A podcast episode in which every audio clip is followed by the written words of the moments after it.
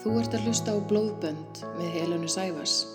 Þættirnir eru alls ekki við hæfi batna.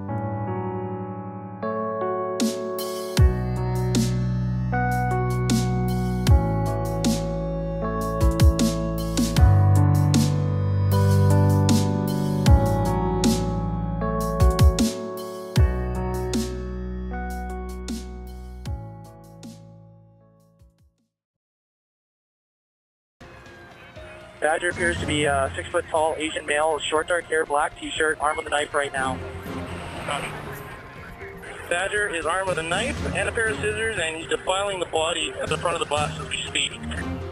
Uh, Zulu Delta 1 at your leisure, could you give me a shout? Okay, uh, Badger's at the back of the bus, um, hacking off pieces and eating it. Tim McLean var fættur þann 3. oktober árið 1985 í Winnipeg í Kanada og bjóð þar alla æfi. Fóruldrar hans skildu þegar hann var ungur en gott samband var á milli fjölskyldunar hans í báðar áttir. Hann var góð hjartaður strákur sem var ekki feimin við að prófa eitthvað nýtt og kynnast nýju fólki. Hann elskaði að ferðast og var hugrakur og fyndin karakter. Hann var vinamargur og voru allir á sömu skoðun sem að þekkt hann að Tim var virkilega skemmtilegu strákur. Hann vann í Alberta í Kanada sem starfsmæður í Tífólíi og vann þess vegna nokkra vikur í einu og fekk svo jafn mikinn tíma í frí. En hann var á stöðugu flakki með Tífólíinu og hann elskaði vinnuna sína. Þann 30. júli árið 2008 var Tim búinn með vinnutörn og vildi hitta kærustunum hans og fjölskyldu í Winnipeg. Hann var búinn að vera að vinna alla nóttina og planið var að taka rútu frá fyrirtæki sem hitt Greyhound og rútan var nummer 1170. Ferðalagið í rútunni voru 22 tímar. Hann settist frekar aftalega í rútunni eða tveimur sætum fyrir framann öftustu röðina og í glukkasætið. Það voru 37 farþegar í rútunni. Tim setti á sig hirtnatól og lagði höfuðið á rúðuna, hlustaði á tónlist og lokaði augunum. Hann fann að það myndi ekki líða langu tími þar til hann myndi sopna, þar sem hann var orðin verulega þreyttur og laungur útuferð framundan. Klukkan 5 mínútur í sjö eða 13 klukkutímum liðnum á ferðinni stöðvaði rútan á stoppustöð í Eriksson, Manitoba og inn í rútuna gekk 40 ára asískur innflytjandi. Hann var krúnurakaður og með sólgliru. Hann hétt Vince Lee og settist í glukkasæti nokkrum sætum fyrir framann Tim sem var steinsóandi í sætinu sínu. Um klukkan átta um kveldið stöðvaði rútan á stoppustöð til að hleypa farþegum út að pissa og tegja úr sér og Vince hoppaði út til að fá sér síkaretu. Þegar Vince kom tilbaka inn í rútuna, lappaði hann fram hjá sætinu sem hann hafði setið í og settist með töskunu sína í fangið við hliðina á Tim sem var nú vaknaður. Tim klemdi saman varinnar og brosti svona hálf kjánalega til Vince og leitt niður. En Tim velti í fyrir sér af hverju maðurinn væri að setjast við hliðina á sér þegar svona mikið af sætum voru laus. Hann hafði líka setið nokkrum röðum fyrir framannan. En maðurinn sagði ekkert og til að flýja þessa vandræðilegu uppakomu setti Tim hirtnatúlin aftur á sig, lagði höfiðið utan í rúðuna og lokaði augunum. Hann ætlaði bara að leggja sig. Ferðin var rúmlega hálnuð. Farþegar rútunar sögðu að Vins hafi stuttu setna eftir að rútan lagði aftur á stað, byrjaði að humma og tala hljóðlega ofan í sig, eitthvað líklega á kýmmesku og byrjaði að vera eitthvað undanlegur í hegðun. Ekkert sem kveikti þó einhverja viðverunabjöllur, kannski var þetta bara skríti náungi. Tim heyrði þó ekkit í honum, enda var hann í eigin heimi með heyrnatólinn og lokuð augun. Þetta hafði einn farþegana í rútunni að segja. Like from Edmonton, I had had a bad feeling. I could feel that something was going to happen. I just didn't know what.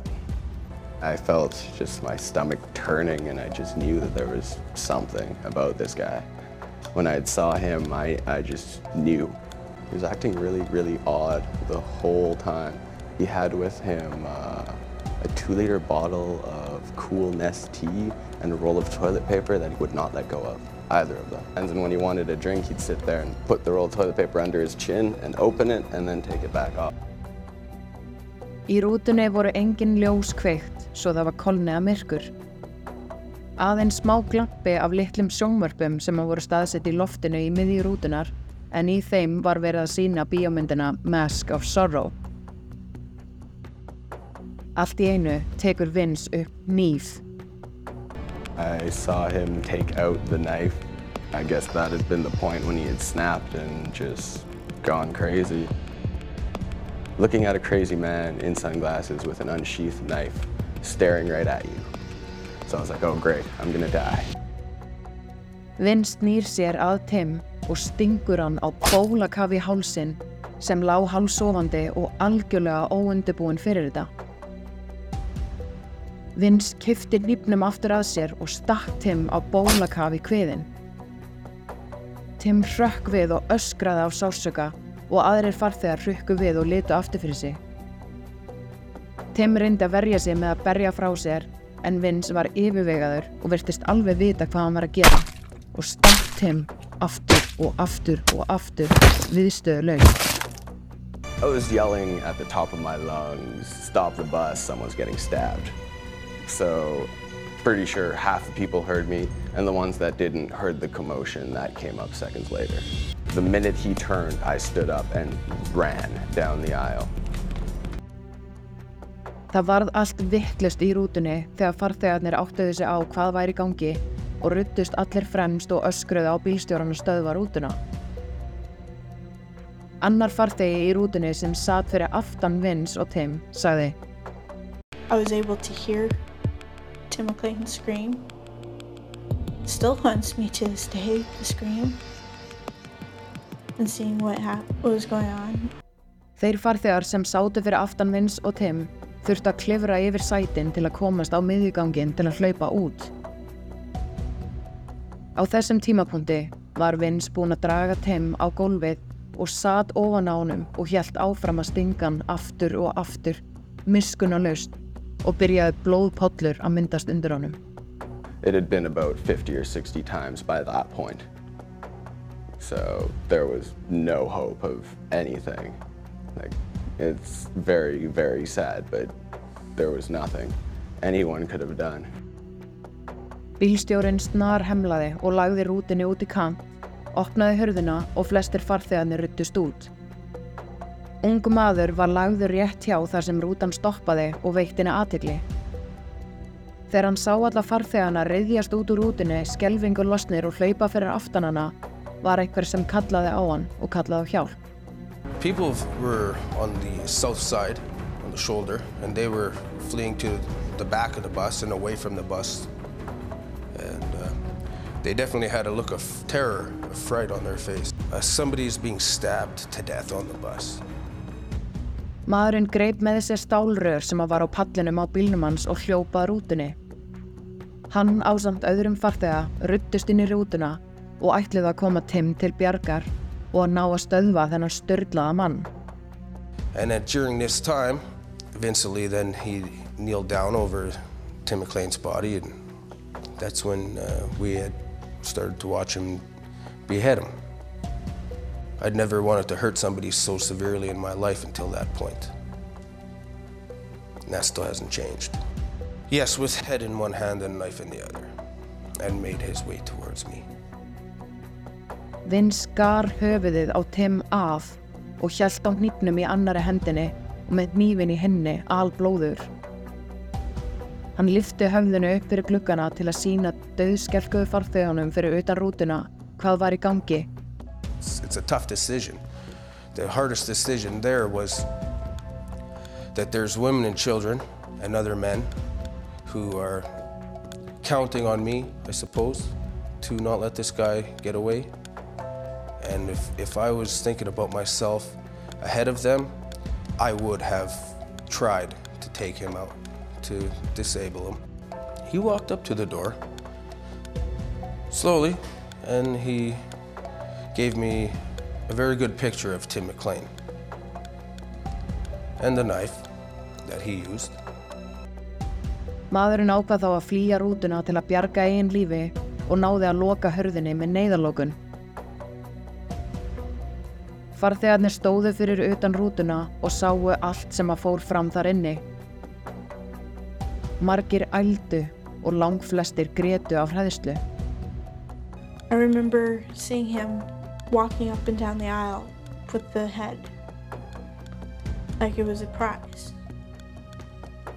Walking in front of the window, the main window where the bus driver, the front window, walking back and forth with the head, not knowing, like, uh, as if it was a prize. I was, I'm like, what is he doing? Why is this happening? Um klukkan nýju var lauruglan mælt á svæðið á samt samningamönnum og þungvopnaðri laurugludeild. Vince gekk enn fram og tilbaka í rútunni og hjælt áfram að stinga og skera í lík Tim. Lauruglan heyrði Vince segja Ég verð að vera í rútunni að eilífu. Svo byrjaði Vince að skera hluta af líkama Tim af og borða þá. Ángríns.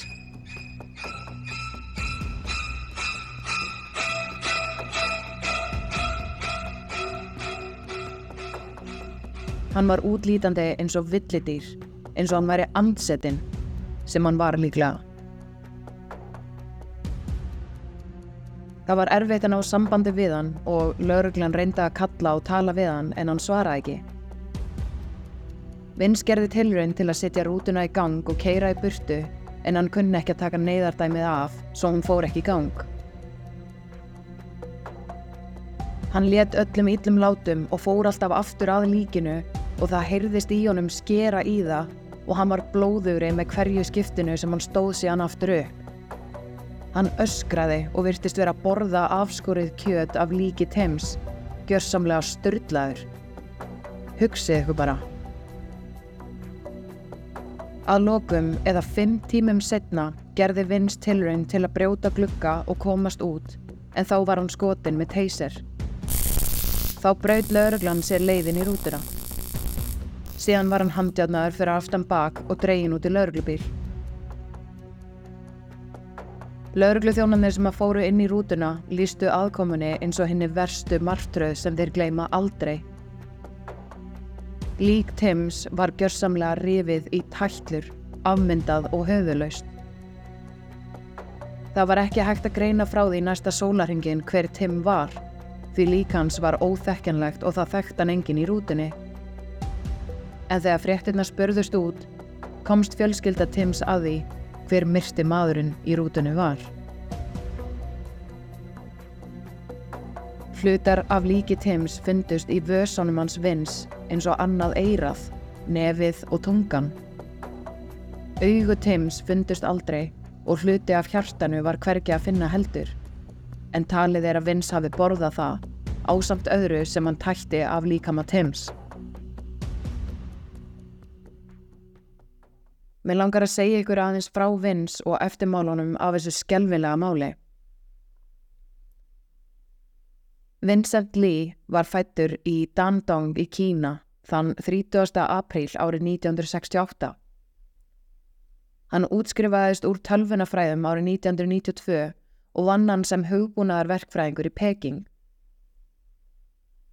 Hann flutti til Kanada í júni árið 2001 og varð kanadískur ríkisborgari árið 2006.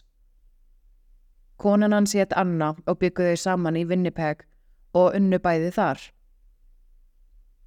Vins hafði áður sagt fólki sem hann þekkti frá röddum sem hann heyrði og kallaði það rattir Guðs sem sögð honum reglulega hvað hann ætti að gera. Hann fekk þráhyggja á tímabili fyrir innrásum gemvera og var augljóslega ekki heill á geði. Árið 2005 var hann grunaður um að vera með geðklofa en hann fekk aldrei loka greiningu svo það var hvergi skráð í heilsufarsögans. Árið 2006 flutti Vince til Edmonton í Kanada en þá skildur leiðir hans og konunur hans. Hjónabandið gekk ekki upp. Hann fekk lálauna að vinnu í Walmart en Vegna ósætta við annan starfsmann var hann rekin þaðan, fjórum vikum fyrir morðið. Þegar Vins var í rútunni hafði hann sagt frá því að hann væri að fara til Winnipeg í atvinnuvittar. Konan hans greindi frá því setna að Vins let sér oft hverfa frá heimilinu þeirra og fór í óútskýranlega rútuferðir á milli bæja. Vins var sannferður um að hann væri í stöðugri hættu af gemverum og byrjaði að ferðast um með nýf sér til varnar, saman nýfin og hann notaði til að myrða Tim. Réttarhöldin hófust 3. mars árið 2009 og var Vins ekki talin sakhæfur vegna geðraskanans. Það var útskýrt af geðlækninum Stanley Jaren, þannig að Vins hafi verið að hlusta á rattir sem sögðunum að Tim hafi verið afl hins illa og væri ógn við sig og aðra í rútunni. Hann lísti því þannig að fyrir Vins hafi Tim verið dullbúin púki sem þurfti að drepa strax og honum hafi fundist nöðsynlegt að afhöfðan til að ganga úr skugga um að hann væri raunverulega dáin og gæti ekki lifnað aftur við. Hann hafi síðan verið í alvarlegu geðrófi sem fekk hann til að borða líkamsleifar Tims. Vins sagði sjálfur að rattinnar væri rattir Guðs sem sögðu að hann þurfti að drepa Tim, annars myndi Tim drepa hann. Bæði verjendur og ákjæruvaldið voru sammála um að Vins ætti ekki heim í fangelsi, heldur miklu frekar á geðsjúgrási. Dómarinn samþykti það og dæmdi Vins ósakæfan vegna geðraskanana og þurfti hann að taka út refsinguna á Selkirk geðsjúgráhúsinu.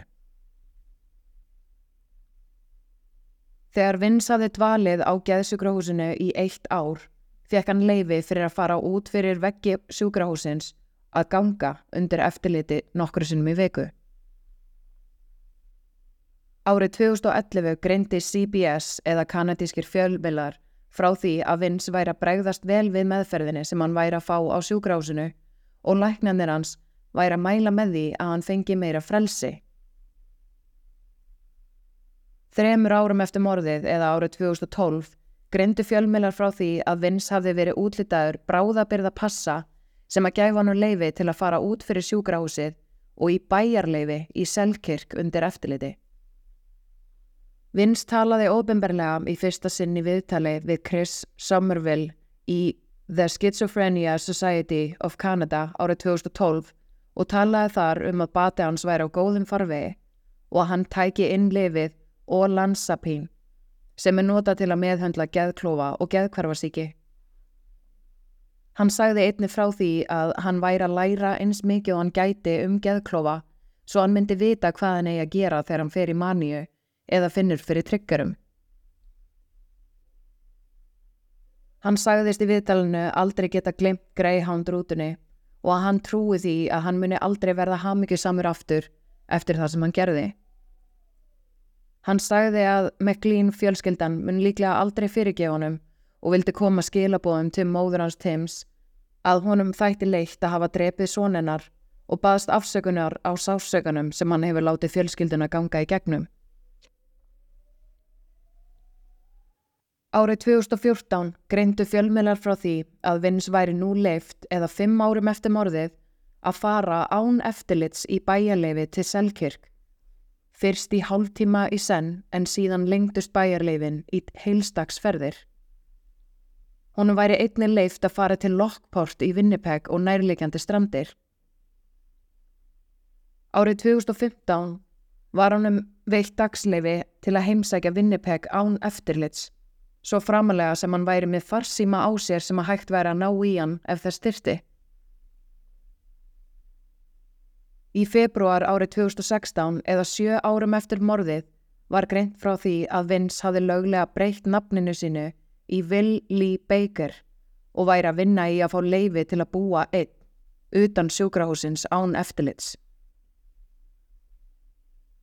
Árið 2017 í júli greindu kanadískir fjölmiðlar frá því að einn af lögreglumennunum sem hafði mætt fyrstur á morðvettvangin í rútunni hafði framið sjálfsmorð vegna áfallastreituröskunar.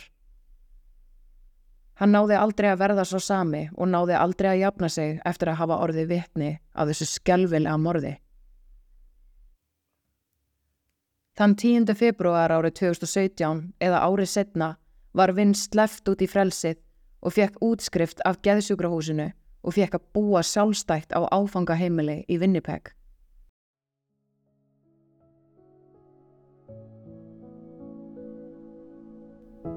Eins og gefur að skilja er fjölskylda Tims gjörsamlega niður brotin og finnst auðvitað að Vince hafi ekki þurft að bera ábyrð á því sem hann gerði.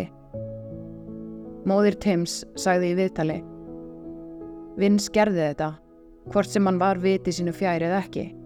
Það var hann sem að reif badni mitt í tætlur með nýfi. Fadir Tims fekk sér húðflúr af andliti Tims á hjartastað á bringunni og sagði við fjölmiðla að sumir dagar væru erfiðar en aðrir, en allir dagar væru bara áskorun að komast í gegnum. Hann sagði að hann trúir því ekki að fjölskyldan muni nokkuð tíman geta náð sér að fullu, en það er sorgin það yfir þyrmandi og sérstaklega vegna þess að Vince er bara sjö árum setna orðin frjáls maður með nýtt nafn og má gera það sem hann vill.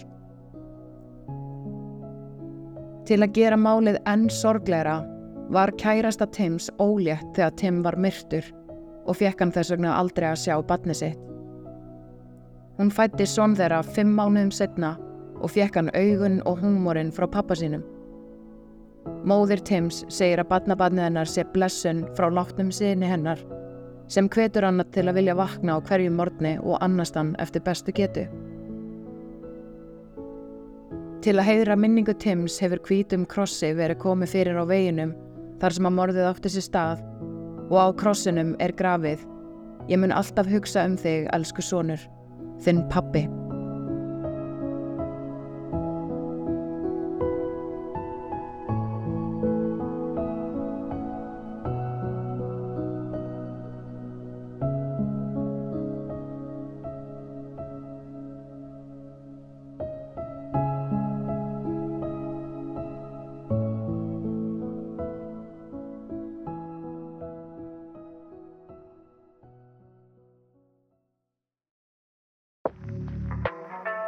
Þá er komið að lokum í dag.